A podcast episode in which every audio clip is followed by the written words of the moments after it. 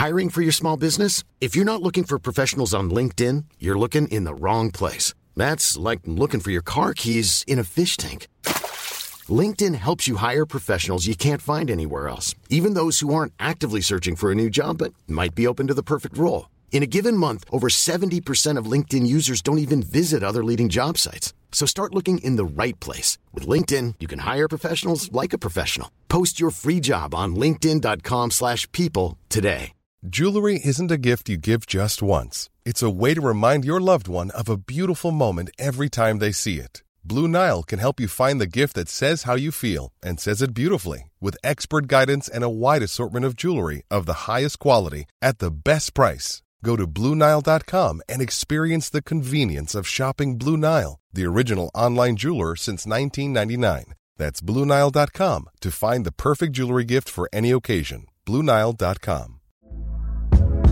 Hey there, it's Michelle Norris. I'm host of a podcast called Your Mama's Kitchen. When I travel, I'm usually looking for a way to find a taste of home when I'm not at home. And one of the things I love to do when I am at home is entertain. And Airbnb allows me to do that. When I was in California recently, I rented a house that had a great kitchen. And when we were sitting around the table, we're all thinking, we're in someone else's house. Someone could be in all of our homes as well. If you have a home, but you're not always at home, you have an Airbnb. Your home might be worth more than you think. Find out how much at airbnb.com/slash host.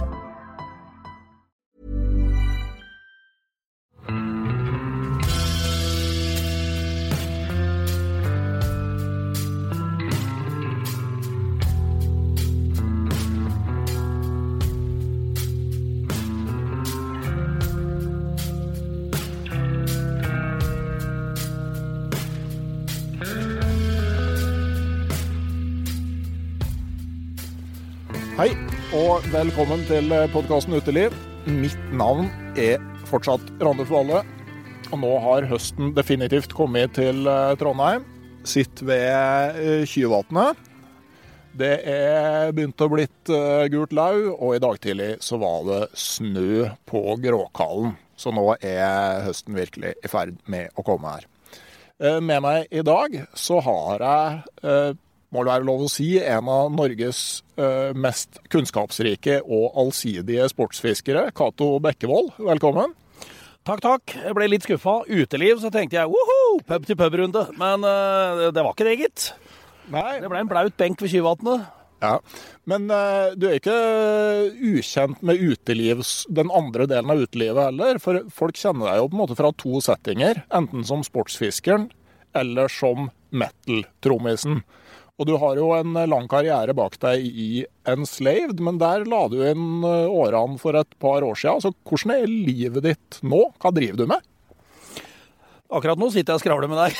Nei, det blir mer, mye mer tid til dattera da, å se hun vokse opp. Litt foruroligende at hun ser ut til å bli en uh, tro kopi av eh, sin far.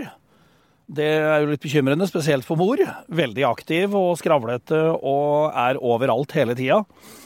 Men eh, jeg pleier å si det sånn, altså den tida får du aldri igjen. Og etter å ha turnert eh, inn- og utland i eh, 15 år, så fant jeg ut at eh, ja, OK, jeg skal ikke si been there, done that, men det, blei litt sånn eh, Du visste hva du gikk til uh, hver eneste spillejobb. Det, det blei mye uh, repetisjon av gårsdagen på turné.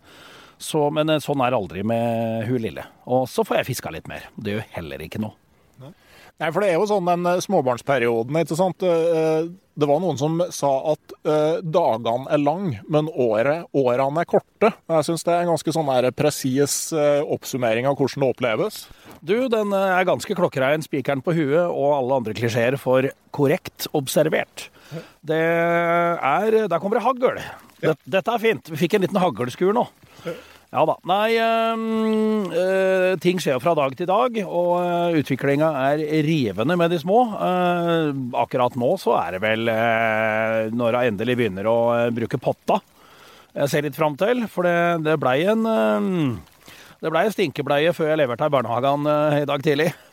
Så bli ferdig med den, og ikke minst da så når hun blir gammel nok, da henge med pappa på fisketur. Spilt trommer i kjelleren har jeg allerede gjort. Ja, Det høres veldig bra ut. Jeg tenkte, jeg må, jo bare nevne da, at uh, du har jo stått på lista over folk har lyst til å prate med en stund, og så har jeg kvidd meg lite grann. For at uh, vi har jo møttes før. Tilbake i sånn 1995-1996, da jeg som ung og uerfaren uh, konsertarrangør hadde booka Red Harvest på knaus på Samfunnet. Og kom på den geniale ideen at bandet jo kunne sove i konsertlokalet. Husker du det her, Gato? eh, altså, Jeg husker at vi spilte der. Jeg husker vel også at uh, Ole Jørgen Moe, som seinere da faktisk spilte bass i Immortal, han hadde vi på gjestelista. Um, på et eller annet tidspunkt så ble det mørkt. Det, såpass kan jeg si. Og det var ikke bare fordi noen skrudde av lyset. Nei, det, var, det som i hvert fall for, først og fremst viste seg at det var jo fullstendig ulovlig å ha folk sovne der, og at noen nå da låste dere inn. Sannsynligvis eh, husker jeg den historien bedre. altså Etter en sånn 15-20 år på veien, så er det kanskje ikke den eneste gangen hvor ting ikke har gått helt som planlagt. Nei, altså, å spille i band det er jo doktorgrad i at ting skjærer seg. Så uh, der skjer det altså så mye rart. Så det er klart Jeg har skrevet fiskebøker, men jeg burde vel egentlig ha satt meg ned og skrevet litt om livet på veien. Litt pussige og artige episoder der også. For det, det er mye å ta. Det, det syns jeg absolutt at du burde gjøre. Men det er kanskje greit å ha med seg inn i turlivet òg. Du må jo få en sånn derre Eh, forståelse av at på en måte ting ordner seg, og ting går aldri helt som planlagt? I aller høyeste grad. Eh, så vi har allerede nå erfart at det å bestille godvær til eh, podkastintervju, det det er ikke lett. Og altså Hvor mange ganger man har dratt på tur og forventa seg én ting og møtt en helt annen, det har jeg ikke tall på. Men det, det er en del av gamet, rett og slett. Altså, naturen er uregjerlig. Heldigvis, altså på godt og vondt, men eh, det er rett og slett noe man får uh, bite i seg. Ikke minst så setter jo også håper å si, sjølve livet i perspektiv. Så lenge man håper å si, bare forholder seg til Altså, jeg kan tenke meg Trump. Han forholder seg jo bare til folk han har under hæren. Han på fisketur, han hadde jo I'm the president. I'm gonna catch a world record og så skjer ikke det, så kan han finne på å bli sur. Så du blir litt mer ydmyk overfor ting rundt det, faktisk, når du ferdes mye ute. Så Trump, han burde, han burde bare ha døtta på et par litt for små fjellstøvler med et par høl i. Uh, ja, noe litt dårlig ullundertøy, en Gore-Tex-bukse med noe høl på knæra, håper å si bukse med sprekk i rumpa og litt sånt opplegg, magnetisk kompass, sånne ting og bare sendt den 14 dager ut på Hardangervidda på denne tida her og sagt nå får du klare deg sjøl, Kjakan, og så uh, hei sveis. Da hadde kanskje han kommet seg litt ned på jorda også. Ja, det er, det, det er, notert. Vi får høre om Erna kan tale opp i neste toppmøte. Ja, da har han pensjonisttilværelsen klar, i hvert fall. Ja. Nei, for det, for det, er noe med det å, å måtte, måtte, lære seg til å ta ting som det kommer. Men det er også, som, som fisker så går jeg ut fra at du har den der evnen når du skal ut på tur, til å tolke absolutt alle tegn i positiv retning?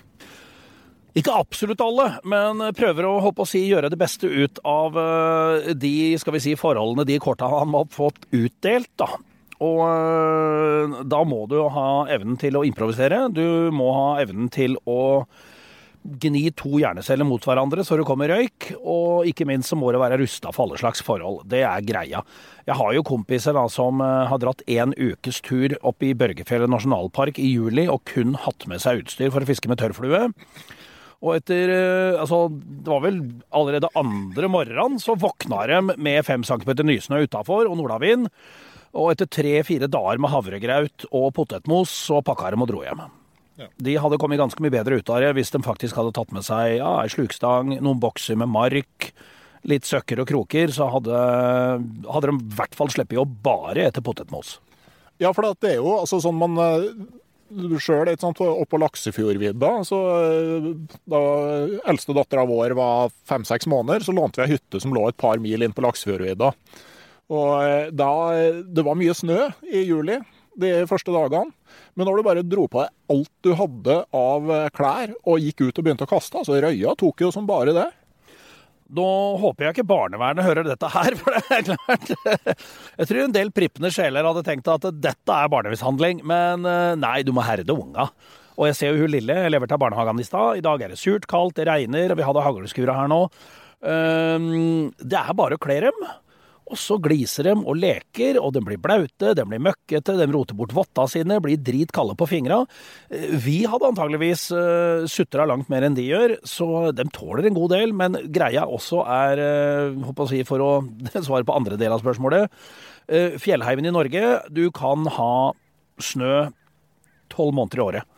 Og det må du bare være forberedt på. Så det å uh, se at langtidsvarselet ser bra ut, jeg tar med shorts, hawaiiskjorte, faktor 30 solkrem og en uh, stråhatt, og så dundre av gårde, det gjør du Altså, én av ti turer så kan du ha flaks med det, men uh, du må kle deg og forberede deg på det verste.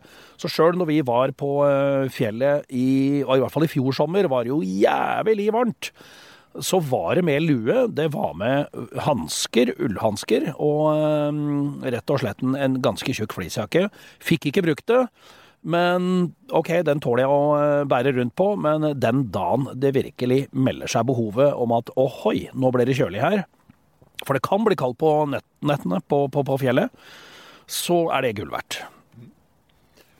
Jepp. Men eh, du har jo eh, Siste uke så har du vært ute og fiska, og ikke hvilket som helst fiske. For at uh, her vi sitter nå ved et sånt skogstjern, jeg tror faktisk det vaker litt her. Uh, det var et vak bak der.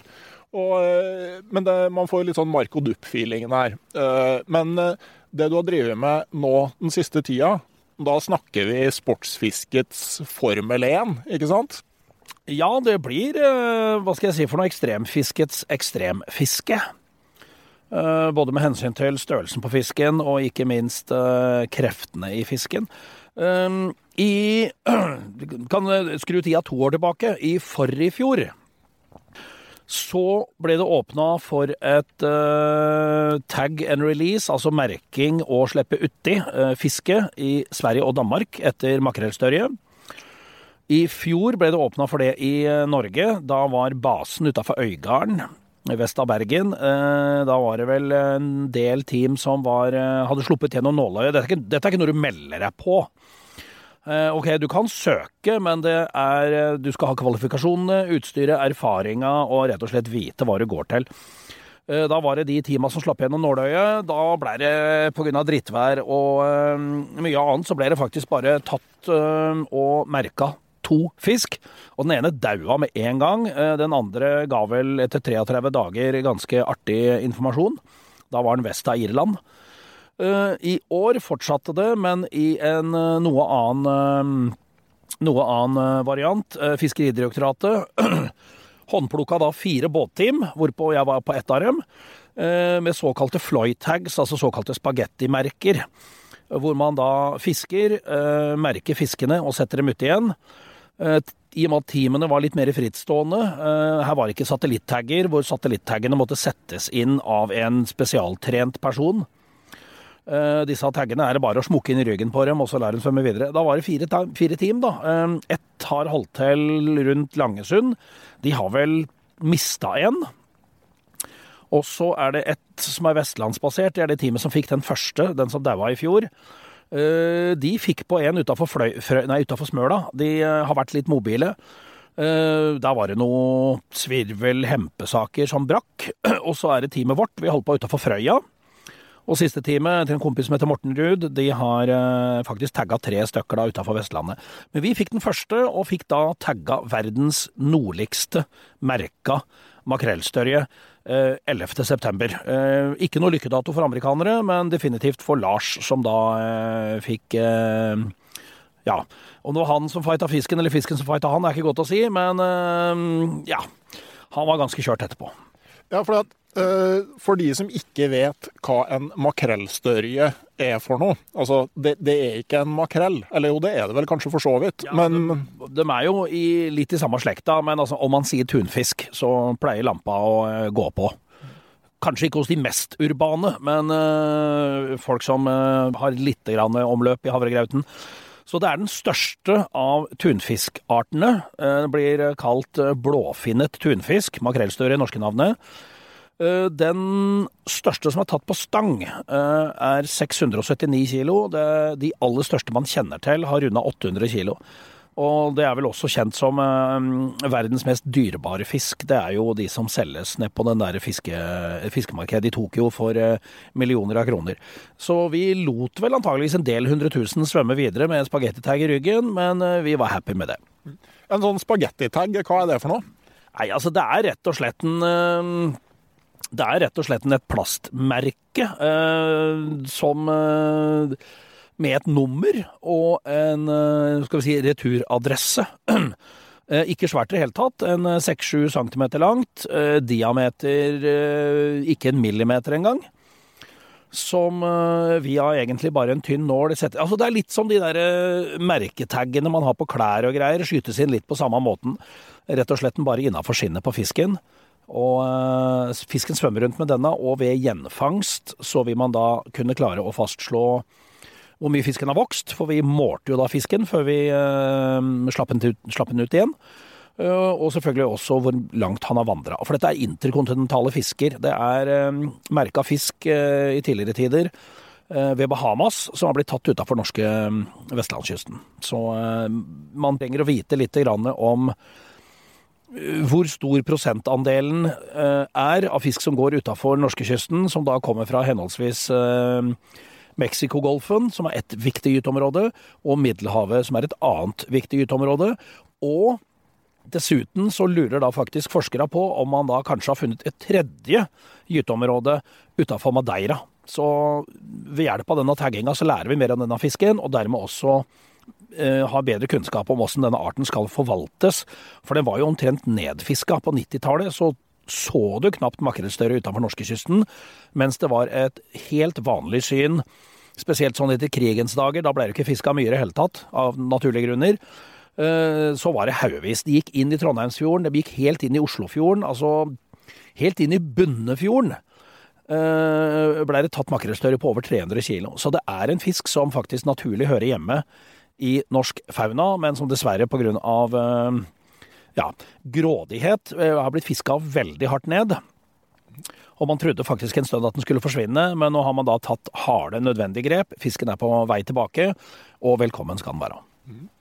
Ja, for jeg leste meg opp litt på det der med makrellstørje. Og glansperioden for størje i Norge var visst på 50- og 60-tallet. Og den første boka som jeg hadde om sportsfiske, det var Aftenpostens bok om sportsfiske, skrevet rundt 1954. Min reviderte utgave var fra 64. Og der var det et helt kapittel om størjefiske med stang. Jeg tenker eh, en fisk som da kan være ganske mange hundre kilo. Og jeg prøvde å lese meg opp litt. Den er målt i over 60 km i timen. Eh, Man tror kanskje den kan nærme seg 100. Altså Det som jeg forstår er, er kan være begrensninga på hastigheten. Det at eh, den har så, så harde slag med halen at vanntrykket blir redusert, sånn at vannet begynner å koke.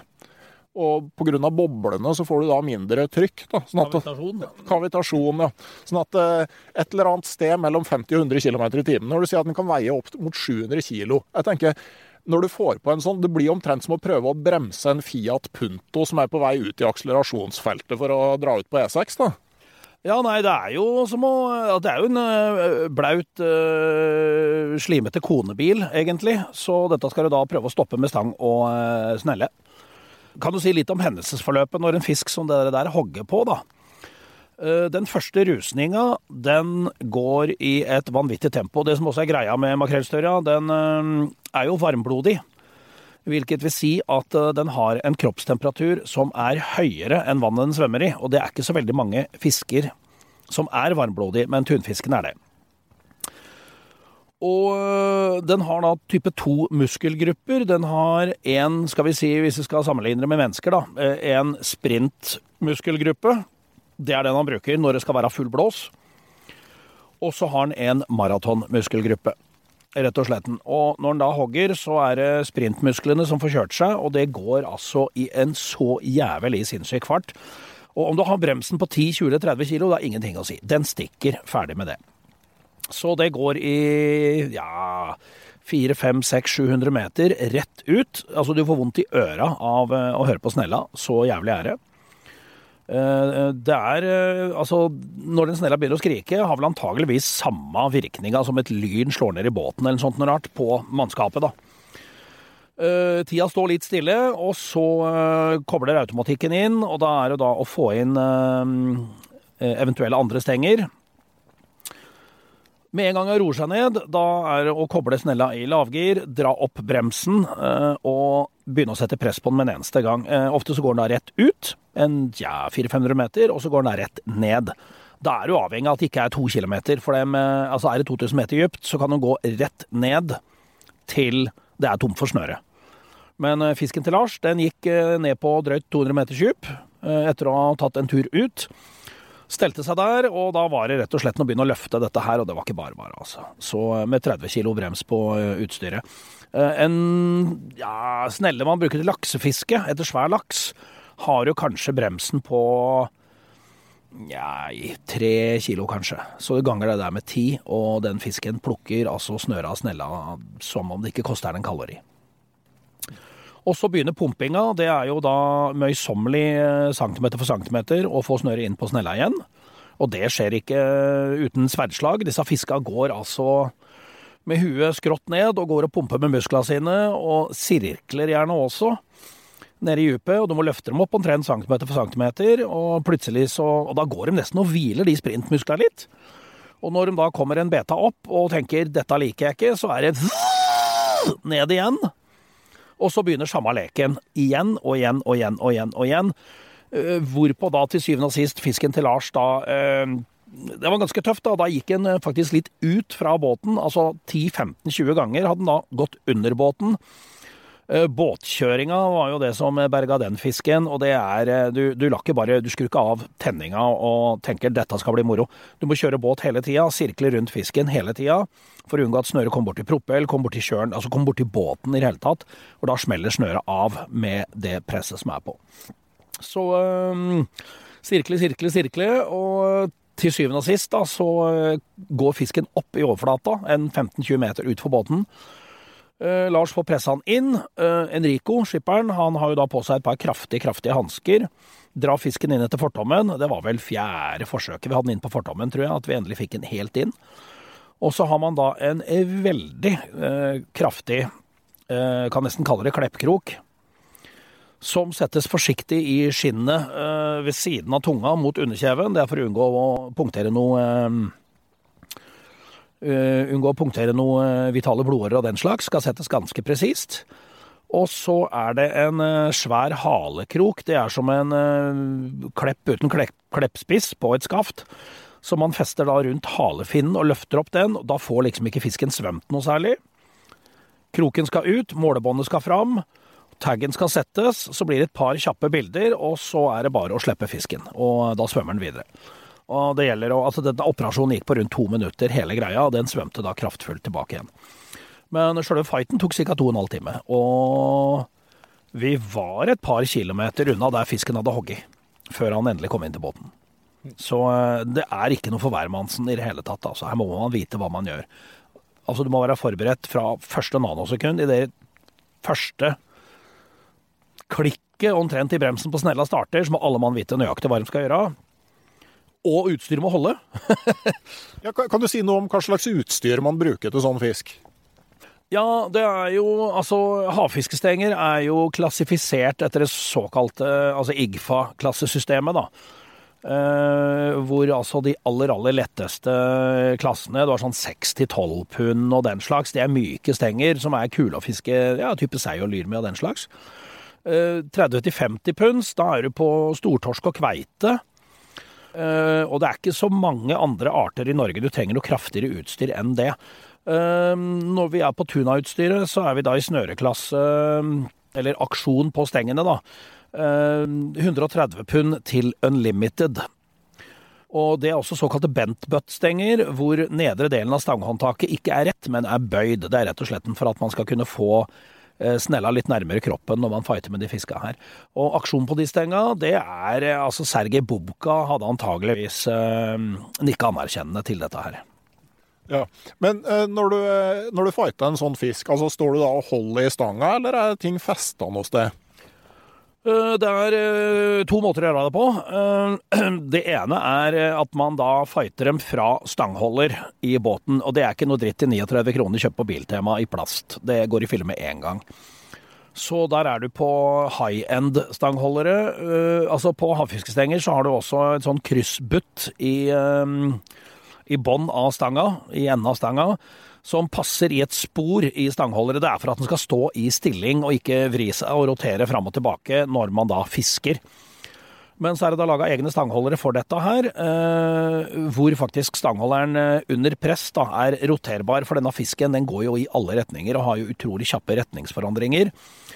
Så noen ganger så eh, leder fisken på båten, så du har faktisk stanga pekende da på skrå framover. Han kan være rett ut, han kan gå bakover, han kan gå rett ned. Så for å hele tida kunne da vri stanga i retning av der fisken befinner seg, så er da de eh, justerbare. Og dette er laga i syrefast, eh, veldig, veldig kraftig materiale. Stål, selvfølgelig. Det er den ene skolen. Eh, hvis ikke fisken er altfor svær, og man i tillegg er ganske heldig med været, at det er ganske flat sjø, så kan man også være mann og fighten standup. Da har du rett og slett en eh, seletøy. Type eh, Ja, i gamle dager brukte man stangkopp. Eh, det er ikke kopp lenger, det er nærmest et brett altså, som ligger over låra. Eh, med da, holdt på å si, høl hvor man døtter denne kryssbutten nedi. Og så har man seletøy, eh, dobbelt polstra, ultrakraftig. Og på snella, som faktisk da er skrudd fast til stanga med noen låsebøyler, så har du da noen ører eh, øverst på toppen av eh, snella, som man kan koble fast noen karabinkroker i. Som da er festa til selatøyet. Så det er litt som å sette seg ned i eh, et sete. Når du da bøyer knærne og nærmest setter deg ned, så løfter du stangtoppen. Snellene er jo togira. Og det er jo Vi brukte jo Tiagra 80 wide og Kuma Makaira 80 wide. Eh, Du får i 130 størrelse også, blir- de blir for store og bælete, eh, men 80 widen holder. Og det er sneller med ja Den Tiagraen har vel brems på rundt en 30 kilo som maks. Med mindre man blueprinteren, som det heter, altså skifter litt bremseskiver og fikser litt på det. Og den Okumaen har vel maksbrems på bortimot 100 pund, altså 45 kilo. Snøre, der eh, for å Altså, vi har på en ja, 1000-1500 meter snøre. Eh, tjukk flettaline innerst, eh, omtrent som fluefiskerens backing. Og så er det da x antall hundre meter med tjukk mono, gjerne rundt 1,2 vi bruker. Og fortommene de er eh, enda tjukkere, men de er av fluekarbon. Det er type sånn 1,5 millimeter. Krokene, man skulle tro det var svære greier, men det er faktisk ikke så digre kroker. Rett og slett fordi disse makrellstørene har veldig godt syn, så hvis dette her ikke er diskré rigga, så vil de da gjennomskue lureriet og ikke hogge. Så hvis det er klart vann, fint vær, stille i været, alt det der, der må du ned i fortomtykkelse og ned i krokstørrelse for å ha sjanse til å få hogg. Ja.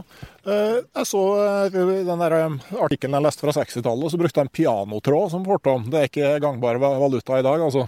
På slutten av, ja, ja, ja, slutten av 60, begynnelsen av 70-tallet, så var det en del amerikanere som fant ut at uh, Wire-fortom trenger egentlig ikke det. Så var det en del som begynte å eksperimentere da med tjukk mono, og fant ut at den fikk jo mye mer fisk enn andre, rett og slett fordi materialet var mye mer usynlig. Og det har egentlig vært litt sånn gjennomgangsmelodien når det gjelder å fiske makrellstørje. Den har veldig godt syn, så jo mer diskré og usynlig ting er Altså, du kan sammenligne det med fluefiske, sola skinner, det blåser ikke, og det er krystallklart øh, vann. Da bruker du liksom det mest diskré som er. Da er du på tynne fluorkarbonfortommer for å få fisken til å ta, og litt av det samme er det med makrellstørja. Eh, I hovedsak så har det vært da to forskjellige Eller det er flere forskjellige eh, måter man kan fiske dem på. Da. Den ene er med naturlig agnfisk. Og det andre er med kunststang, og først og fremst da så er det spread the bars som har eh, vært greia. Hva er spread bars for noe? Uh, det er ikke så lett å forklare. Men bar, det er en Ok, jeg kaller det en stålstang. Og på den stålstanga, uh, hengende ned, omtrent som en kleshenger, liksom, uh, sammenligner litt med en kleshenger, da, en uh, 1,2 meter lang kleshenger som ikke er bøyd, eller ikke så veldig bøyd, den er mer eller mindre rett. I senter av den, der du har kroken på kleshengeren, går det ei line igjennom. Og på den lina under kleshengeren så henger en fem-seks blekkspruter med en ja, 20 cm avstand. Og aller bakerst så er det festa en svær snapsvirvel. På ytterst på kleshengera så henger det ytterligere da en tre-fire blekkspruter på hver side, og mellom disse igjen Altså det er fem rader rett og slett med gummiblekkspruter. Ingen av dem er krok i. Dette er kun for å lokke fisken. I den hempa, i den bakerste senterblettspruten, hekter man på en fortom til en annen blekksprut på en litt lengre fortom. Han skal liksom være etterhengeren, altså den som eh, sliter med å holde tempoet oppe. Den bakerste blekkspruten Det er litt samme prinsipp som langedrag, rett og sletten. Men den bakerste blekkspruten er gjerne da i en annen farge, kontrastfarge, og den er det krok i. Og dette slipper man ut bak båten. Høy stangføring, og da vil denne sjølve baren, altså sjølve kleshengerstanga, vil være ovenfor vann, mens disse da blekksprutene går da plasker og skummer og spruter og striper i overflata og lager ganske mye liv. Og ikke minst lager et, eh, for å bruke et fluefiskuttrykk, da, et bra avtrykk. En veldig god silhuett mot overflata. Uh, her er det mye mat, ergo er det bryet verdt for uh, en stiv og makrellstørjer å ta turen opp. Og uh, hva er det mest naturlig at man tar? Jo, han treigingen som henger bakerst i stimen, ikke ser ut og oppfører seg som alle de andre. Den kan være skada, den tar vi. Og den er det krok i. Og dette dorger man da i en ja, fem, seks, sju knopp, en 30 meter bak båten. Og noen ganger kan man få da såkalte blind strikes, altså helt ut av det blå, så kan det smelle. Da går de opp i overflata og tar. Og det er ikke noe lite, lite sippvak, altså. Det er omtrent som å ta det bordet her og hive ned fra fem meter, liksom. Og det sier Det plasker noe jævlig. Og du lurer aldri på hva som har skjedd. Andre ganger så kan du da ha litt flaks og litt dyktighet og litt tilfeldigheter, havne i en såkalt feeding frenzy. Det er der når stimer med makrellstørje går opp og jager byttefisk i overflata. Det er helt sinnssykt å se på. Uh, de jeg veit om som så dette for første gangen, de ble bare stående og måpe og ble helt handlingslamma, rett og slett. For det, det, det, ser bare så rått ut når uh, haugevis av fisk på 200-400-500 kilo går opp i overflata, uh, plasker og jager, og av og til hopper altså flere meter opp i lufta. Og når de lander igjen, det hører du. Og da gjelder det å holde huet kaldt, prøve å kjøre da spreaderbarsa inn i den stimen uten å forstyrre og skremme stimen for mye. Eh, kompis Ola han fiska jo eh, ut ifra båten til eh, Morten Ruud, og fikk jo en ja, samme størrelse som den vi fikk. En halvannen uke seinere. Når han så den feeding frenzyen, så tok han allerede Da var det helt flatt, så han fant at den skal kjøre standup. Han tok på seg selatøyet og var klar, og fikk egentlig bare beskjed Ola, nå smeller det. Og da gikk det ti sekunder, og så kom det bare en gigant opp og tok den blekkspruten, og ja, etter det så Mye var bare tåke i huet hans da, inntil fisken lå ved mm, båtsida. For det er, det er, mange kraftige uttrykk eh, og inntrykk, for å si det sånn, som eh, kommer inn i bildet. Ja, for at, jeg tenker sånn, hvis du, eh, hvis du har en ørret på kroken og kjører den, så er du jo liksom litt redd for å miste den og sånne ting. Men det fisket her, altså hvis du, hvis du gjør noe dumt her, så kan du jo rett og slett dø. Ja, øh, vi bruker jo sikkerhetsline da, øh, på som er festa til eh, snellene, faktisk. Den der låsebøylen jeg nevnte, er et svært øye på, som vi fester av sikkerhetsline i. Men fighter en fisk standup, og det er litt guffen sjø, og fisken røsker til og du har det brems, så kan du bli dratt uti. Så hvis du ikke har den sikkerhetslina, så, så sliter du, rett og slett. En amerikaner, John Whalen, opplevde jo dette her. Jeg kan jo nevne også at det selatøyet er også et håndtak bakpå, som gjerne folk står og holder i. Og dette er ikke kødd engang. Så, øh, men han John Whalen han ble dratt uti av en uh, svær makrellstørje utafor uh, kysten av North Carolina i USA. Og blei med ned på ti meter. Han hadde heldigvis uh, selvfølgelig tenkte på at dette kan skje, og hadde allerede bestemt seg for hva han skulle gjøre. Så det han klarte å gjøre, det var da det første han gjorde, var å legge hånda på sporen, og så slakka han bremsen. Hvis han ikke hadde lagt hånda på sporen, så hadde han fått backlash. Og da hadde han blitt med ned. Eh, og det han da gjorde, var rett og slett han eh, la fisken svømme. Så klarte han oss faktisk Det er jo litt oppdrift i det selatøyet, da, og sikkert i klærne hans også. Han klarte da med stang og snelle og fisken på, men da selvfølgelig ikke noe motstand fra fisken, svømme opp til overflata. Eh, relativt sjokkert mannskap. Fikk da backa opp og kjørt bort den. Eh, første han gjorde, var å levere over stanga. Så hoppa han opp i båten, dritblaut. Eh, det fisket utafor North Carolina, det er typisk vinterfiske, så det var ikke jævla varmt heller. Han fortsatte fighten, ble fort varm igjen, og fikk fisken inn, og fikk releasa han, og så var det på tide å få på seg noen varme og tørre klær. Men eh, det er jo faktisk også folk som har blitt dratt ned i dypet og aldri blitt funnet igjen. Så eh, jeg har aldri hørt om noen som har at, at, at det har skjedd med ørretfiskere, for å si det sånn. Og en annen ting, altså ørret er det mange av. Så OK, mister du en, så er det OK, shit dau, vi fortsetter å fiske, liksom. Eh, Makrellstørje, der er det Altså, vi har fiska hardt eh, i Ja, det blir omtrent en måned nå. Fått en og mista en. Eh, Mannen i gata vil tro at herregud, her går det fisk på 200-400 kilo, og de eter en tredjedel av sin egen kroppsvekt hver eneste dag. Og eter 100 kilo fisk, det må jo være å slenge ut i altså hva som helst, så hogger dem. Think again, altså. Og en annen ting er at å lokalisere fiska, de beveger seg så fort. Vi fulgte etter da en jagende stim, og de bevega seg i 10-12 knopp. Og i litt tøff sjø, vi prøvde liksom å komme foran stimen og få eh, servert greiene. Men de plutselig så snudde de 90 grader, 90 grader til, og altså det er kattens lek med musa, og eh, altså det var sånn 20 km forfølgelsesritt eh, slash forfølgelsesvanvidd, altså. Og til slutt så gikk fiska ned. For Arm eh, holdt på å jage en stund. Trenger ikke å være mer enn et halvt minutt, ett minutt, og så går de ned.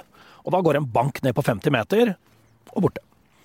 Så det er litt sånn eh, Du må treffe fisken, fisken må treffe deg. I det, det er i jaktmodus, og, og, og det er hele greia. Og havet er stort, altså. Ting skjer jævlig fort. Ingenting er forutsigbart, og du kan ikke ha én eneste tabbe på noen som helst front. Og OK, mister du en ørret, det tar du og trekker med skuldra og hele pakka. Miste en laks, en storlaks, det er mye, mye verre. Men å miste en makrellstørje, det er liksom, det er katastrofe. Det er et personlig en, Nesten en personlig tragedie, for å si det sånn. Har dere med psykolog ut? Vi har med psykopat. Han heter Enrico. er skip... Nei da, vi eh, har ikke det. Vi kunne nesten hatt det, men vi, vi, vi har vel egentlig altså, gått gjennom tenkelige og utenkelige scenarioer i huet så mange ganger. Så øh, Og samtidig Om fisken vinner, så er vi såpass rause at vi sier at øh, ja, greit. Da fortjener han å leve videre. Men uh, uansett, da, altså hvis du blir litt utålmodig på abborfiske, hvis du ikke har fått noe i løpet av tre kvarter, så er ikke størjefiske neste uh, steg på progresjonen for din del, da? Nei, da tror jeg vel uh, det er ganske mye annet. Altså, da kan du begynne med tørrfluefiske etter håkjerring og ta det derfra. For det er Men du kan si sånn én ting er tålmodigheten, en annen ting er faktisk det å ha evnen til å holde huet kaldt i en ekstremt stressa situasjon. For ting skjer så jævlig fort, og du må vite nøyaktig hva du gjør. Ellers så går det i dass. Ja, er det, altså, jeg tenker på andre ting, så kjører man jo øvelser. ikke sant? Altså, Kjører dere på en måte noen sånne her øvelser på hva gjør hver person når det smeller? Drilla på det, ja. Og i tillegg så er det jo eh, trening på standup-fiske. For det Uh, Snakka med Enrico. Han har jo da også fiska utafor uh, Prince Edward Island i Canada, der du har uh, kanskje det beste fisket i verden etter disse fiska. De største. Og han har jo standup-fighta noen, og han sa jo det at etter en fight på en to timer, to og en halv time med en fisk på 300-400 kilo, så klarer du ikke å gå ned ei trapp dagen etter. Eller du klarer knapt å gå, faktisk. Og en annen kompis av meg, han Fikk en 800-punder, fisk på rundt 360 kilo. Han har gått Birkebeineren, men sa dette var verre. OK. Det er ganske, ganske heftige, heftige, greier det her. Det er ikke noe for folk med muskelsvinn, det kan jeg si med en gang. Nei. Men eh, dere fikk jo ikke bare tunfisk heller? Nei, det blei jo uh, en håper å si artig uh, bonusart. Det som var greia, det var at vi Vi hadde de første dagene et par litt sånn tvilsomme hogg, hvor da plutselig Altså, vi fiska da med rigga, takla makrell mangfisk, dorga med det. Hvor plutselig bare Faen, agnfisken er borte, hva som har skjedd her, liksom? Uten noen eh, logisk forklaring. Og vi visste jo da at det blir jo tatt øh, håbran som bifangst av en del av de, spesielt de tyske turister, som fisker etter andre ting. De kan fiske etter lange, uer, lysing, sånne ting. Som har fått av håbrand.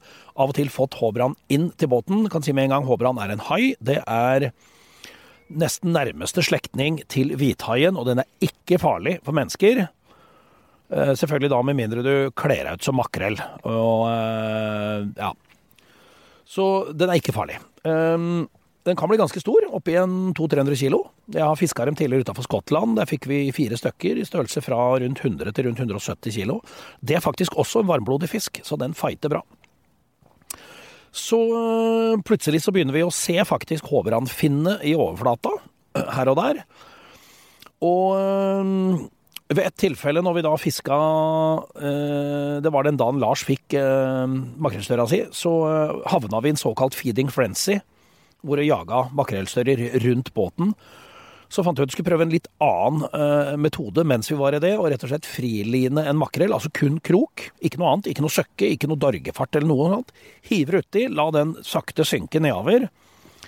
Og se da om en makrellstørje antok at dette var en svimeslått makrell som var grei å plukke i seg. Eh, Nedpå en ja, 25-30 meter under båten så var det plutselig et eller annet som røska til, mens da Lars sto da med snøret i henda. Altså du hiver da denne ut.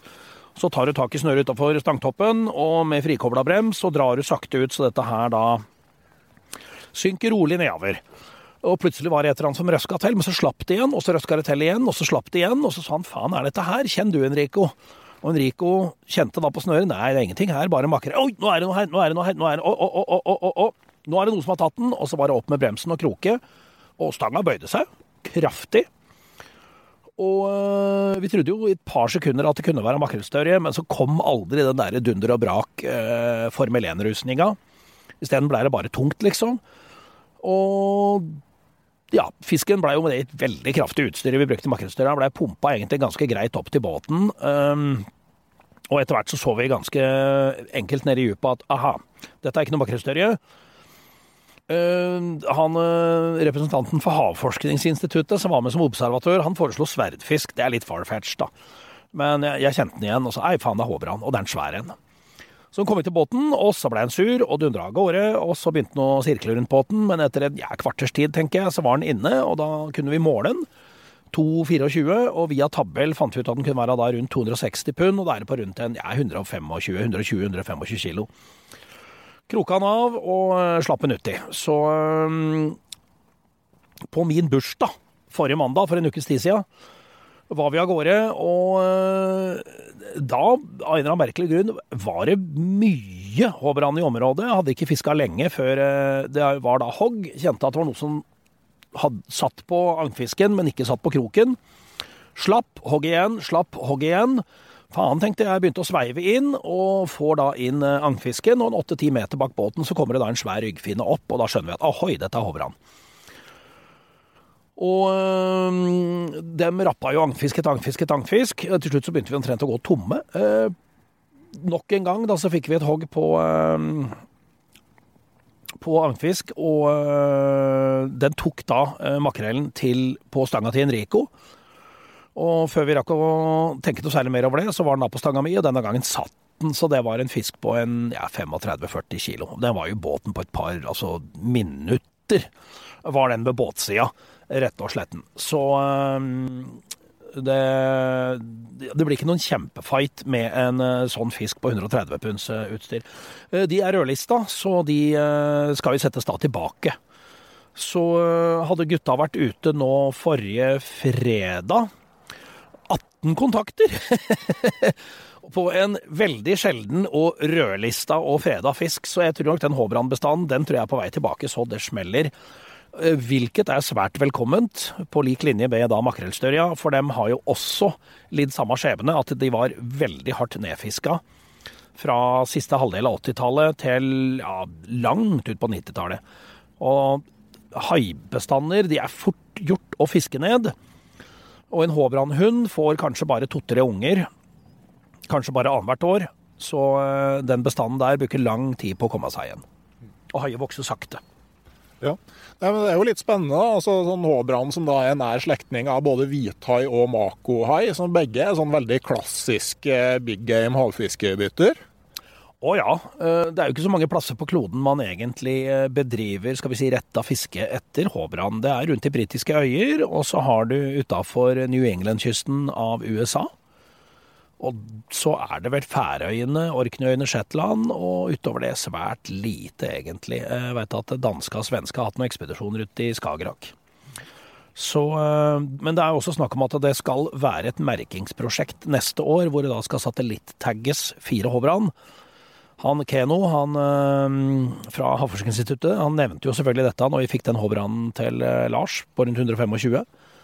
Og da sa vi egentlig bare fra at bare ring, vi stiller, og vi har trua på at vi klarer. For vi fiska jo faktisk ikke etter Hovran engang. Kult. Men eh, sånn i Trondheim her òg, eh, jeg sjekka litt sånne lister over største fisker og sånne ting. Og H-kjerringa fra innerst i Trondheimsfjorden, Beistadfjorden, den ligger fortsatt, eh, var tatt på 80-tallet. Den ligger fortsatt høyt på listene over største fisk på sportsfiskeregnskap. Han gjør det. Eh, jeg håper å si Historien om norsk hårkjerringfiske var jo at gutta i Trondheim havfiskeklubb starta på slutten av 70-tallet. Og fant ut at denne fisken må det gå an å få på stang. Og øh, begynte da i Trondheimsfjorden. Og øh, snakka jo selvfølgelig med yrkesfiskere, linefiskere, alt sånt da, som hadde kjennskap til Altså, hvor setter du aldri garna og linene dine? Der vil vi fiske. Så de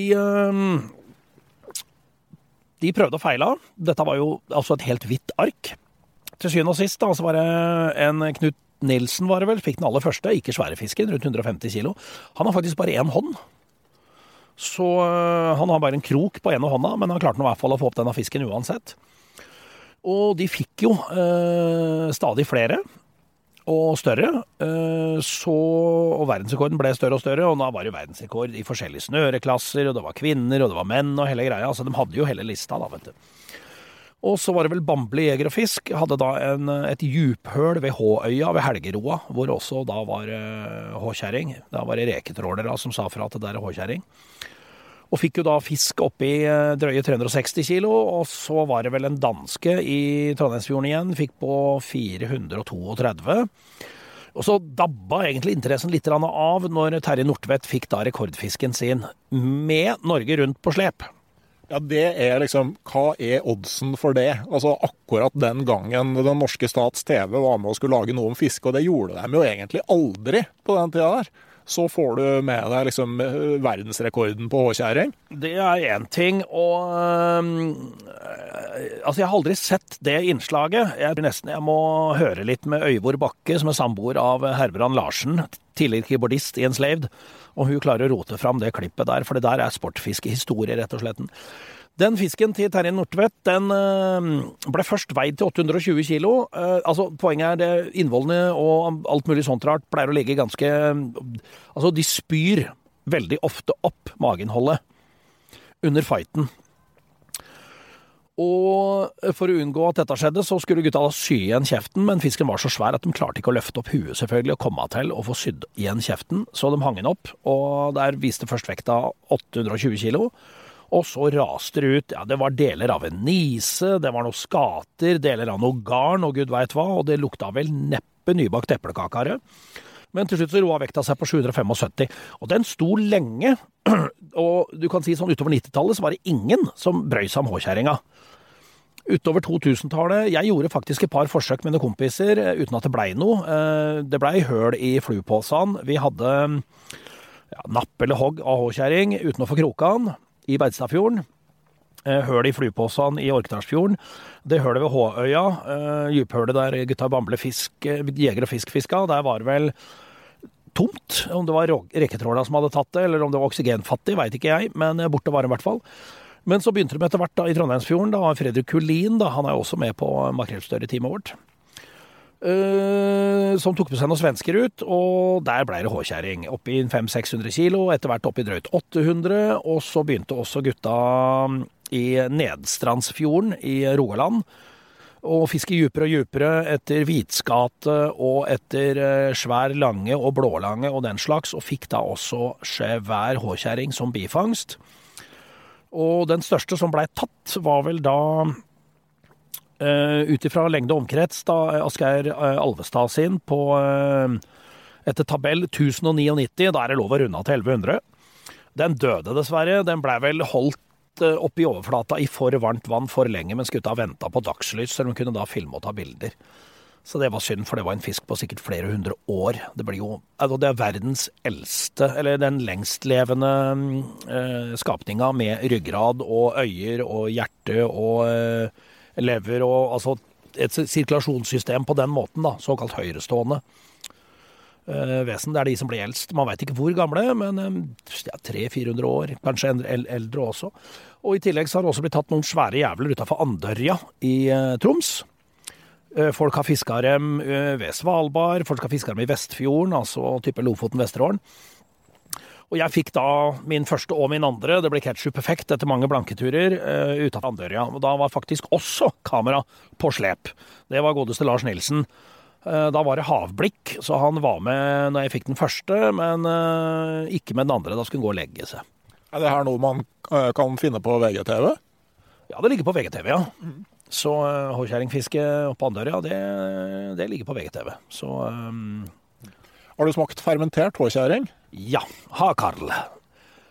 Hva, hva terningkast? Uh, minus 11. Nei, det er ikke godt å si. Det er helt jævlig. Altså, Jeg er til surstrømming, uh, og jeg fikk i meg altså Det ligger masse videoer på YouTube av uh, engelskmenn og amerikanere som heter surstrømming og spyr. Pyser. Jeg trøkka meg tre surstrømmingfileter og sitter her ennå. Men Hakarl, det var sinnssykt. Ja, det, det, smaker altså Du får liksom følelsen av at du har avføring i munnen. Liksom, jeg ser mer for meg jeg vet da faen, jeg. Hvis jeg skulle sutte på pissebleia til dattera mi når hun har hatt feber, så er det liksom konsentrert og den smaken, eh, blanda med en del ammoniakk, eh, så slenger du et 9 volts batteri på tunga. Og så har det teksturen av hermetisert sjampinjong. Der har du hakarl. Ja.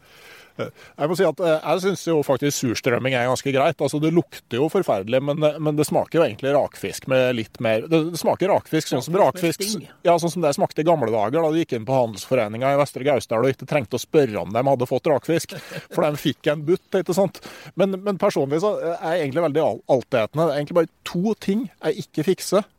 Det ene er marshmallows, og det andre er håkjerring. Jeg har spist marshmallows, så da, der leder jeg. Men når det gjelder eh, grava håkjerring, så er vi skjønt enig. Det der er ikke mat, altså. Det er i hvert fall mat for spesielt interesserte. Men det som er greia, bakgrunnen er jo uh, OK, i gamle dager så var man desperate. Nåtiden det er jo bare én gang én centimeter terninger, tannpirker, og det er jo egentlig islendingens unnskyldning for uh, et helvetes fylleslag. For det er uh, Altså, du eter én sånn, og så skyller du etter med et russerglass med vodka. Svart av daudir. Så du blir ikke mett, men du blir jo dørgende dritings. Så det er ikke noe annet. Nei, og Grunnen altså, til at man lager det på den fermenterte måten, er rett og slett for at uh, håkjerringa skiller ut urinen i, i, kjøttet. Sånn at du liksom bare lot, lot den ligge i flomålet noen uker for å få skylt ut det verste. Altså Det som er greia, det er at uh, vanlig beinfisk den har jo nyrer i form av altså blodrana som ligger inntil ryggraden eh, innafor svømmeblæra. Det er fiskens nyrer. All fisk drikker vann hele tida, mens da urinstoffene skilles da um, ut og havner da i eh, blodrana. Bruskfisk, der har du da haier, skater, øh, stør, havmus, en del sånne ting. Har, altså de er jo evolusjonsmessig ganske mye eldre, så de har ikke den blodranda, Så der de såkalte ureopatene, altså urinstoffene, de flyter da fritt i blodbanen.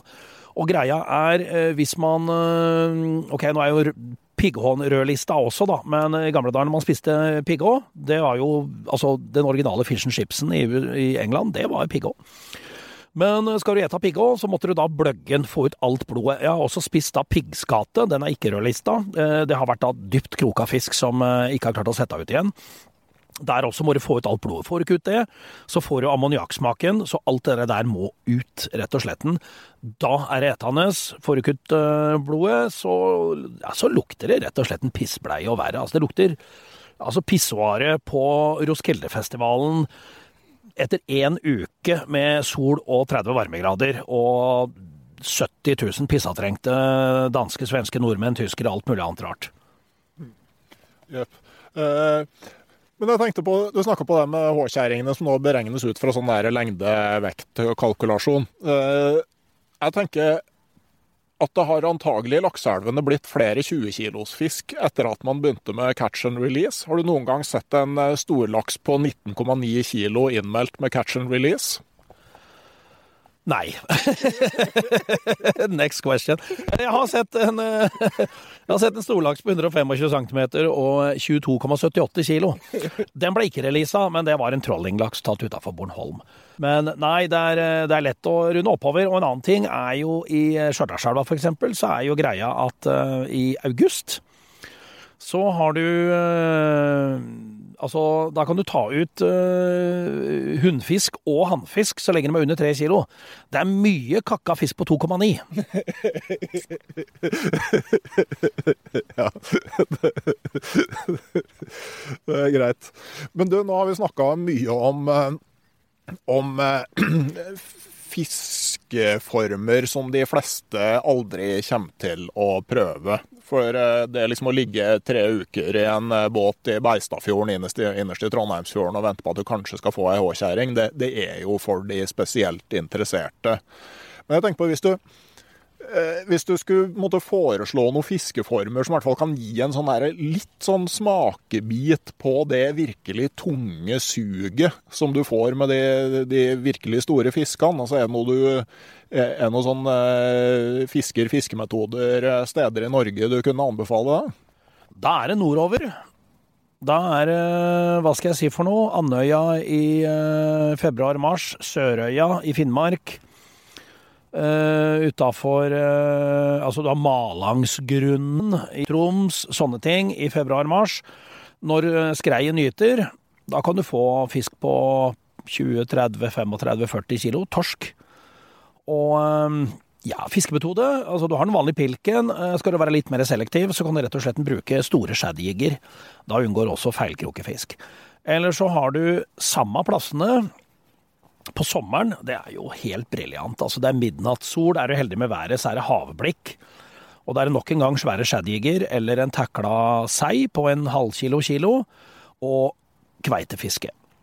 Og det er eh, Kveita også er det jævlig med krefter i, altså. Når den dundrer av gårde, altså har du stilt bremsen feil der etter eh, båndnappet en halvtimes tid siden, og bånn av bremsen, da har du driti deg ut. For den har også potensialet til å rive folk uti, eh, rive stanga ut av henda på deg, og rette kroker, ryke liner osv. osv. Veldig eksplosiv og sterk fisk. Så eh, nordover og fiske kveite, eller selvfølgelig kjenne tyngden fra, eh, fra stortorsk da, under eh, fiske nordpå. Eh, og skal du da ha de største, så er det liksom gytetida som er, som er greia. Mm. Eh, jeg bodde jo noen år i Hammerfest, og der var det en del sånn på en måte gamle inngarva laksefiskere som fikk prøve kveitefiske og eh, ja, rett og slett bytta hobby. Ja, øh, hva skal jeg si for noe? Øh, laksefiskere er en litt spesiell rase. Jeg må få lov til å si særlig her i Trøndelag. Det er laks, laks, laks og kun laks. Og alt annet er drit. Det er ikke, altså. Altså, jeg fiska i august nå, så drev jeg og herja i Forra og fiska laks. Jeg har fiska dem Gaula, på å si Stjørdalselva, you name it. Og fått, altså fått svær laks. Eh, laksen er en, altså en fantastisk fisk, og det er noe melankolsk og litt trist over at den blir eh, født uten foreldre og dør uten barn. Eh, men eh, å si at eh, laksen er kongen over alle fisker, og det er den sterkeste og raskeste og sånt, er tull, for det er den ikke. Og det fins altså fisk i norsk natur som er sterkere og raskere, og det ene med det andre. Vi innleda jo med det som virkelig er kongen, nemlig makrellstørja. Men kveita, altså jeg påstår, tar du en 15 kilos kveite, en 15 kilos laks, binder dem hale mot hale, kveita drar med seg laksen. Jepp. Uh, mulig laksen ikke er kongen, altså. At uh, makrellstørja som, uh, som er uh, sjefen. Men jeg tenker når du Jeg leser artiklene dine, sånn som i Alt om fiske har du jo skrevet en god del. veldig sånn grundig og, og, kunnskapsbasert. Og så kan du på en måte skrive sånn like Hva skal jeg si ivrig om altså røyefiske med, med, markdrag i Tydal. Røye på sånn 300-400 gram. Eh, som de storfiskene ute. Altså på en måte, Hva er liksom fellesnevneren her? Hvordan klarer du å gire deg opp over ei 300 grams røye når du eh, nettopp har dratt opp ei håkjerring eller en tunfisk? Det handler nok mye om å nullstille seg, og ikke å håpe eh, å si eh, sammenligne det ene med det andre når det i utgangspunktet ikke er sammenlignbart. Men det som er greia, det er at eh, jeg søker én ting når jeg går på fjellet, jeg søker en annen ting når jeg drar ut på havet, og det er liksom hele følelsesregisteret får kjørt seg. Og du kan si hvis du sitter og, ok, greit nok da, For å ta en eh, ytterlighet, da, sitter og meiter karpe, så kan du ta dagevis mellom hvert napp og hver fisk. Og da er det jo Altså, du slapper av, og du blir sittende og mimre, og altså, du fisker jo ikke aktivt engang. Stanga er stangholder. Slappe av, egentlig bare høre på naturens egne lyder og filosofere om eh, smått og stort. Rense huet. Mye av det samme på fjellet også. Der fisker du kanskje litt mer aktivt, men der er det eh, Hva skal jeg si for noe? Der er innpakninga som er grandios, da. Når du har fjellheimen rundt deg og uh, hele greia. Du føler deg ganske liten. Samtidig så føler du at det er en veldig, skal vi si, ærlig form for fiske. For det er uh, alt er opprinnelig. Det er liksom ikke noen dammer med utsatt fisk eller sånt noe rart. Her det, ser det ut som det har vært for eh, altså, Det var under vikingenes tid og før det også. Så det er eh, Du møter naturen på naturens premisser. Ute til havs, greit nok, mye mer teknologi og, og moderne hjelpemidler og den slags, men altså, til syvende og sist så er det mann mot natur, enten du vil eller ikke. Altså man against beast. Men øh, og det er klart, du får ikke mye trim når du legger en meitestol og uh, eter potetgull og drikker cola. Uh, det får du i fjellheimen når du går med tung sekk på ryggen og uh, sliter. Men du føler også at du er verdt det. Karpefiske, der går jo all fisk uti, og du går hjem og eter uh, håper å si hamburger eller om du tar deg lasagne eller hva det er for noe. mens da for eksempel Og ok, makrellstørrefiske skal den uti, og der er du on a mission, da. Der har du liksom et mandat. Mens på fjellet så, så tar du gjerne en matfisk eller to. Eh, slipper ut til de største, og lar da heller fisk på 300-400-500 gram finne veien i steikepanna.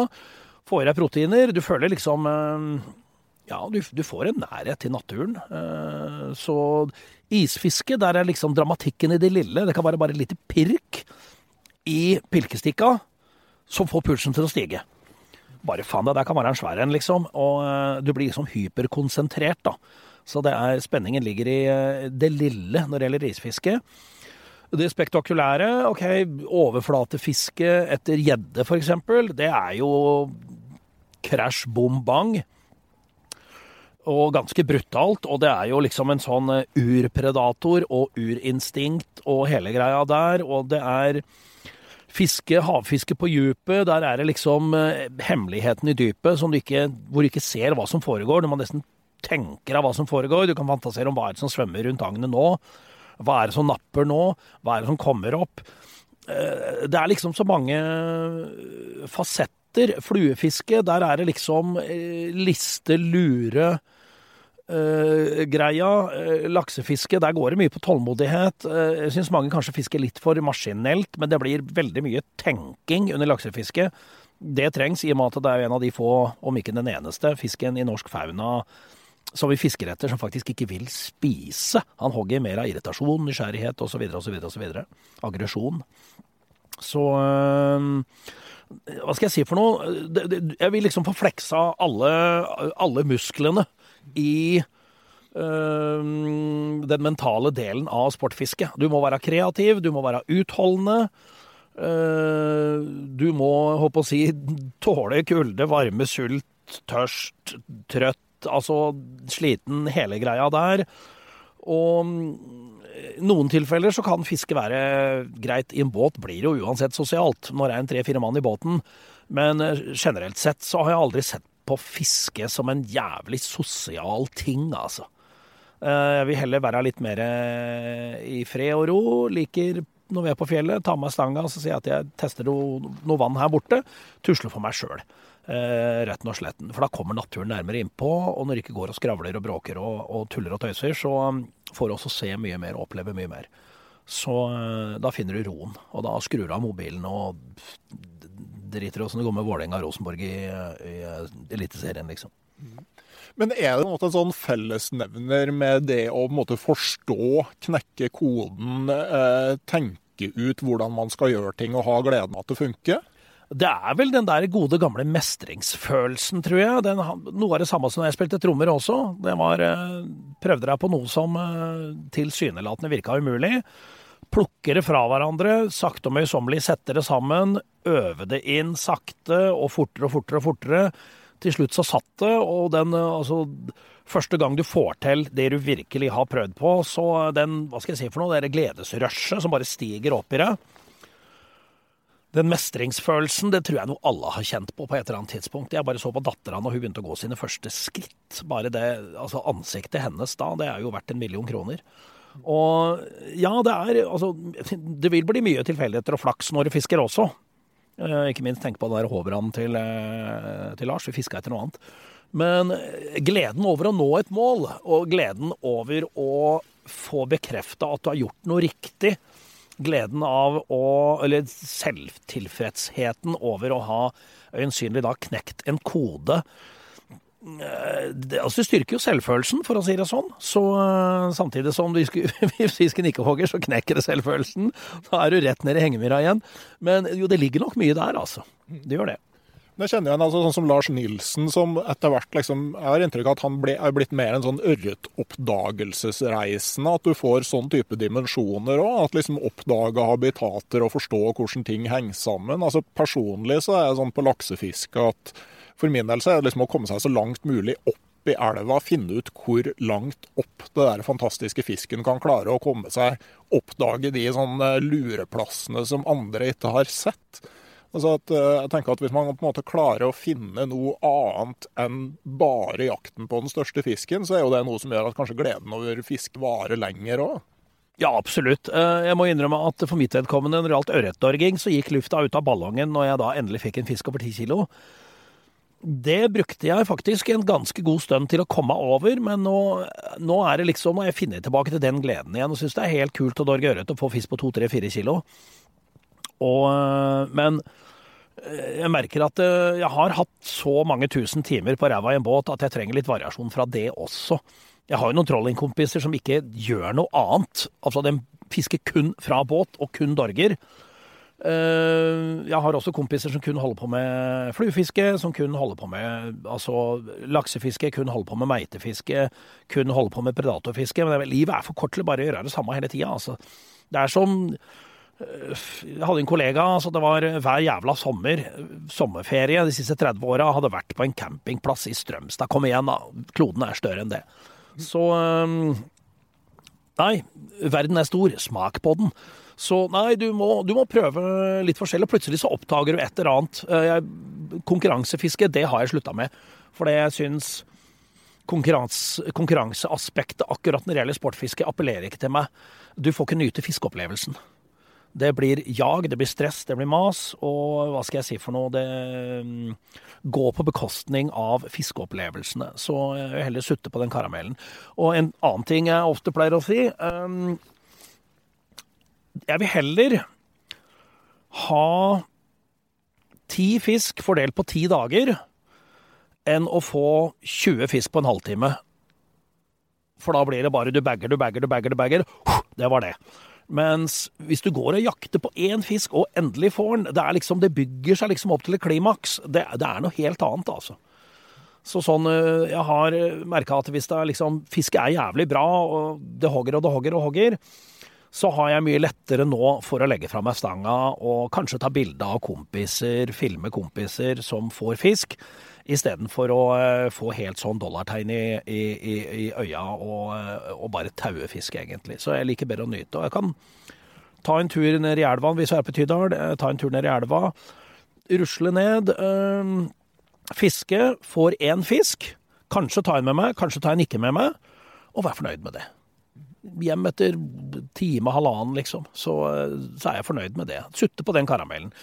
Så, og hvis jeg setter den uti, eh, så er jo greia jævla grei. Hvis jeg er litt på en ørretmiddag en av dagene, så må jeg ned i elva og fiske den sjøl. Og da får du den fiskeopplevelsen som bonus. Hvis det hadde vært en bra dag, og du får fem-seks stykker, og det kakker alle, og du har lyst på fiskemiddag, det er ikke like givende å gå ned i fryseren og tine den opp, altså. Men eh, er du sånn som teller antall arter du har fått? Japp. Mm. Og der er jo Håbrand siste arten. Ganske fersk. Én uke gammel. Jeg gjør det. Eh, jeg er vel oppunder tresifra nå. Ja, for det er liksom eh, det er ganske hardt å komme seg over 100 arter i Norge? Ja, altså det Jeg har vel Hva er det jeg har, da? 6-97 eller sånt rart. Men altså, jeg har jo da En god del av dem har jeg fått under målretta fiske. Noen har jeg fått ved slump. Um, det som er greia, er at når du da begynner etter hvert å bli artsjeger, så er veien kort til såkalt mikromeite. Og da er du på sånn 28-krok, 008-fortom og kvart reketestikkel servert i håndbassenget, hvor du da får fiske på størrelse med en halv lillefinger, liksom.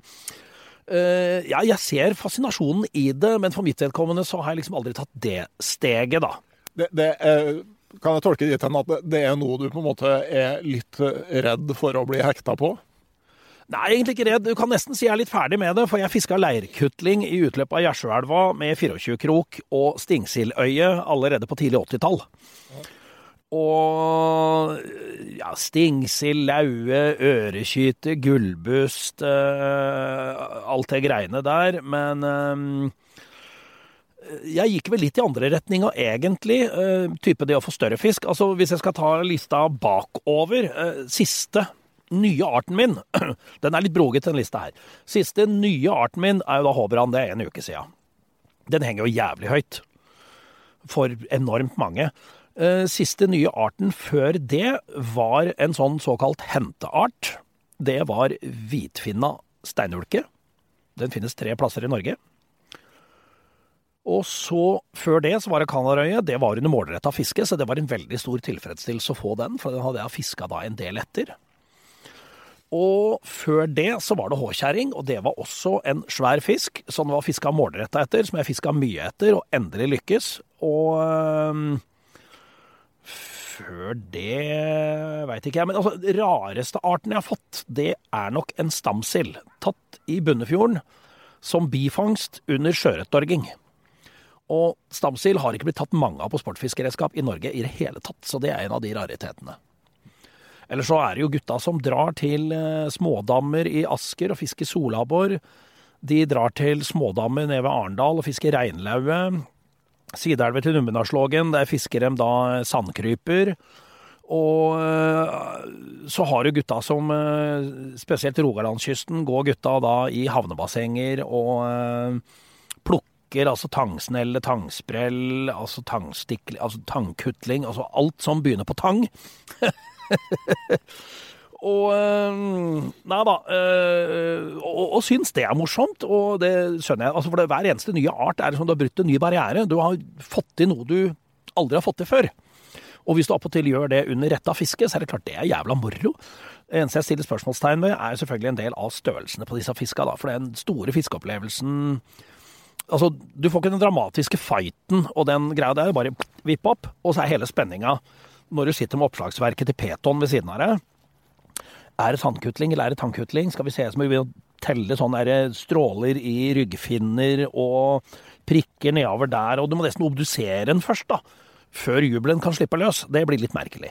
Men uh, skitt au, jeg har kompiser som er hekta are og syns det er kjempemoro. Og ja, da får de gønne på. Jeg kan jo nevne at Asgeir Alvestad, som har fått uh, håkjerring på 1,1 tonn. Han uh, har også samme entusiasme når det gjelder da fisker som veier et par gram, rett og slett. Så, uh, men det å kunne, skal vi si, nok en gang kunne nullstille seg og glede seg over forskjellige aspekter ved sportfiske, det tror jeg er For klarer du det, så blir det en komplett hobby. Hvis du har altså alle arter, alle metoder, alle biotoper, alle årstider hele moroa der, så uh, da blir det også en altoppslukende hobby, men en enormt givende hobby, vil jeg si.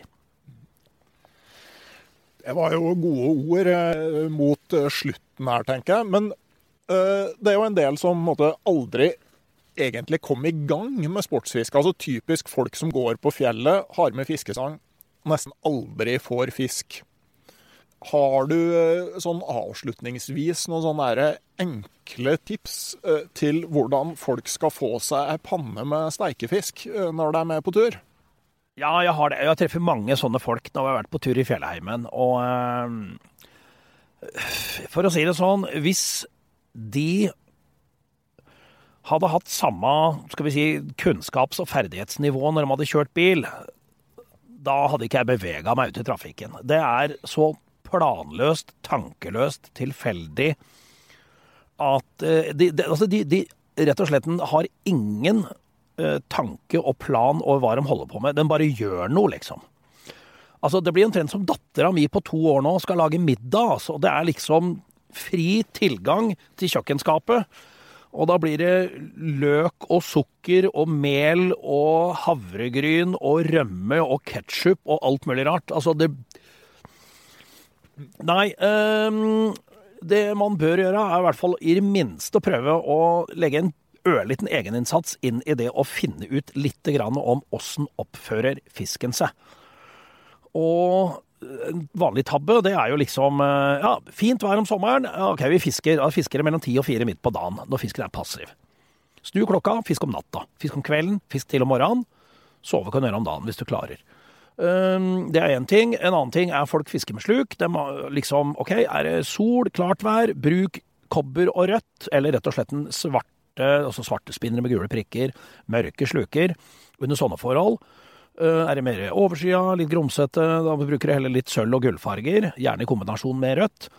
Er det grunne vann, så bruker du eh, breie sluker i tynt gods med god bæreflate. Er det djupe vann, er det røyevann f.eks.? Røya hater varmt vann. Den står der det er kaldt. Da må du ofte da bruke litt mer kompakte ting, kommer deg litt mer ut. Um, og, men det aller, aller viktigste tipset okay, Jeg kan gi to tips. A. Ta med deg markboks, men ikke, bygg, ikke knyt sånne hastverkstakler, som jeg kaller det, med isoporduper, 2.0-krok på 0,40-scene uten splitthagl. Alle sier at jeg klarer ikke å kaste noe langt med denne, duppen veier ikke noe. Duppen skal ikke være kastevekta, den skal bare vise at det er fisk på den. Um, og klassisk sånn 40 grams båndmeite hvor du har 30 cm i kroken og knytt fast søkket i hovedlina. Da, altså, da skjønner jeg at du ikke får fisk. Fisken kjenner motstand og spytter ut. Men når det gjelder slukfiske generelt sett, så er det én ting folk gjerne gjør feil. Han varierer ikke innsveivinga si. Du hiver ut, ja, du lar den synke, ja, du begynner å sveive, ja, så sveiver du bare et par meter, så tar du en kort, kort stopp. Halvt sekund hvor sluken ikke sveives inn, og så fortsetter å sveive. Da merker du veldig fort at det er i den stoppen fisken hogger. Igjen og igjen og igjen og igjen. og igjen. Hadde kompis, eh, han var på fjellet nå i, eh, etter at vi var på fjellet. 22 ørreter, 20 av dem tok på spinnstopp. To tok når han sveiva jevnt. Det er helt avgjørende, rett og slett. Spesielt på ørret og røye på fjellet. Følger etter. Har du fisk som følger etter inn til land, da har du ikke variert innsveivinga nok. Spinnstopp. Ta med deg markboks. Tynnere scene, lengre fortommer, mindre kroker. Og fisk kveld, natt og morgen. Da blir det steikefisk. Eh, Eller så får du gjøre som gutta som var oppe i eh, Børgefjell. Da blir det havregraut og potetmos. Mm. Hvis jeg kan få lov å komme med ett tips i tillegg? Uh, jeg tenker at når du er uerfaren, så er det lurt å droppe de store vannene. Fiske ja. i elver, småvann og i bekker, og gjerne i raskt strømmende vann hvor eh, fisken er mindre sky.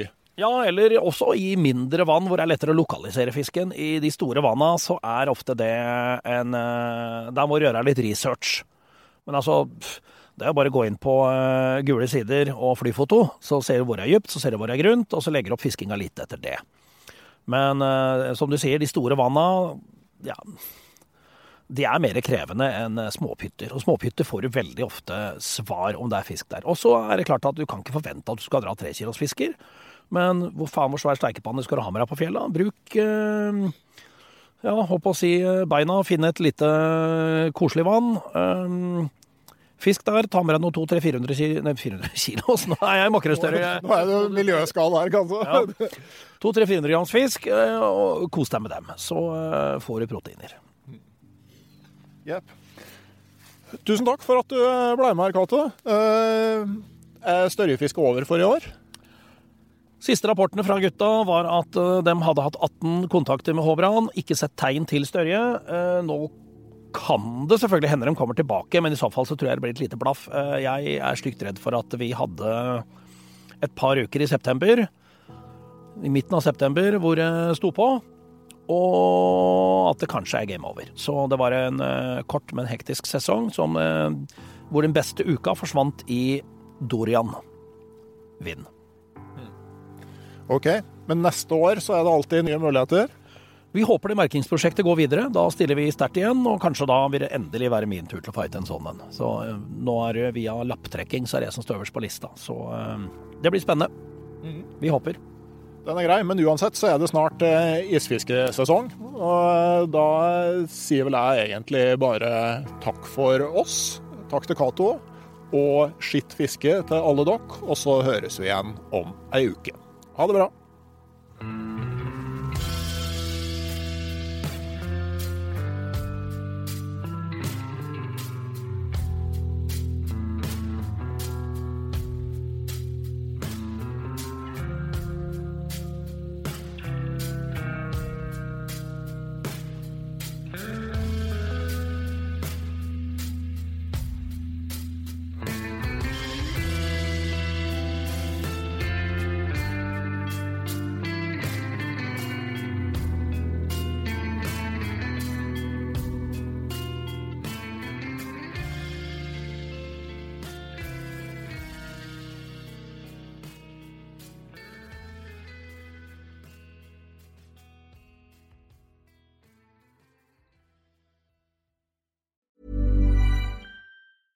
Imagine the softest sheets you've ever felt. Now imagine them getting even softer over time. That's what you'll feel with Bowl and Branch's organic cotton sheets. In a recent customer survey, 96% replied that Bowl and Branch sheets get softer with every wash. Start getting your best night's sleep in these sheets that get softer and softer for years to come. Try their sheets with a 30-night guarantee. Plus, get 15% off your first order at bowlandbranch.com. Code BUTTERY. Exclusions apply. See site for details. Hey, it's Paige DeSorbo from Giggly Squad. High quality fashion without the price tag. Say hello to Quince. I'm snagging high-end essentials like cozy cashmere sweaters, sleek leather jackets, fine jewelry, and so much more. With Quince being 50 to 80% less than similar brands. And they partner with factories that prioritize safe, ethical, and responsible manufacturing. I love that. Luxury quality within reach. Go to quince.com slash style to get free shipping and 365 day returns on your next order. Quince.com slash style. Mom deserves the best, and there's no better place to shop for Mother's Day than Whole Foods Market. They're your destination for unbeatable savings, from premium gifts to show-stopping flowers and irresistible desserts. Start by saving 33% with Prime on all body care and candles. Then get a 15-stem bunch of tulips for just $9.99 each with Prime. Round out Mom's menu with festive rosé, irresistible berry chantilly cake, and more special treats. Come celebrate Mother's Day at Whole Foods Market. Hei, jeg heter Nore Helligsen og er daglig leder i Barents Outdoor. Det beste vi kan gjøre for planeten, er å redusere forbruket vårt og få mer ut av det utstyret vi allerede har. Men vi vet av erfaring at bruken av telt kan endre seg over tid. Det teltet du kjøpte for to år siden, passer kanskje ikke det behovet du har i dag. Derfor har vi i Barents etablert en egen panteordning der vi tar imot brukte telt av god kvalitet i innbytte når du kjøper et nytt av oss. Prosessen er enkel. På barentsoutdoor.no gir det oss informasjon om teltet du vil bytte inn.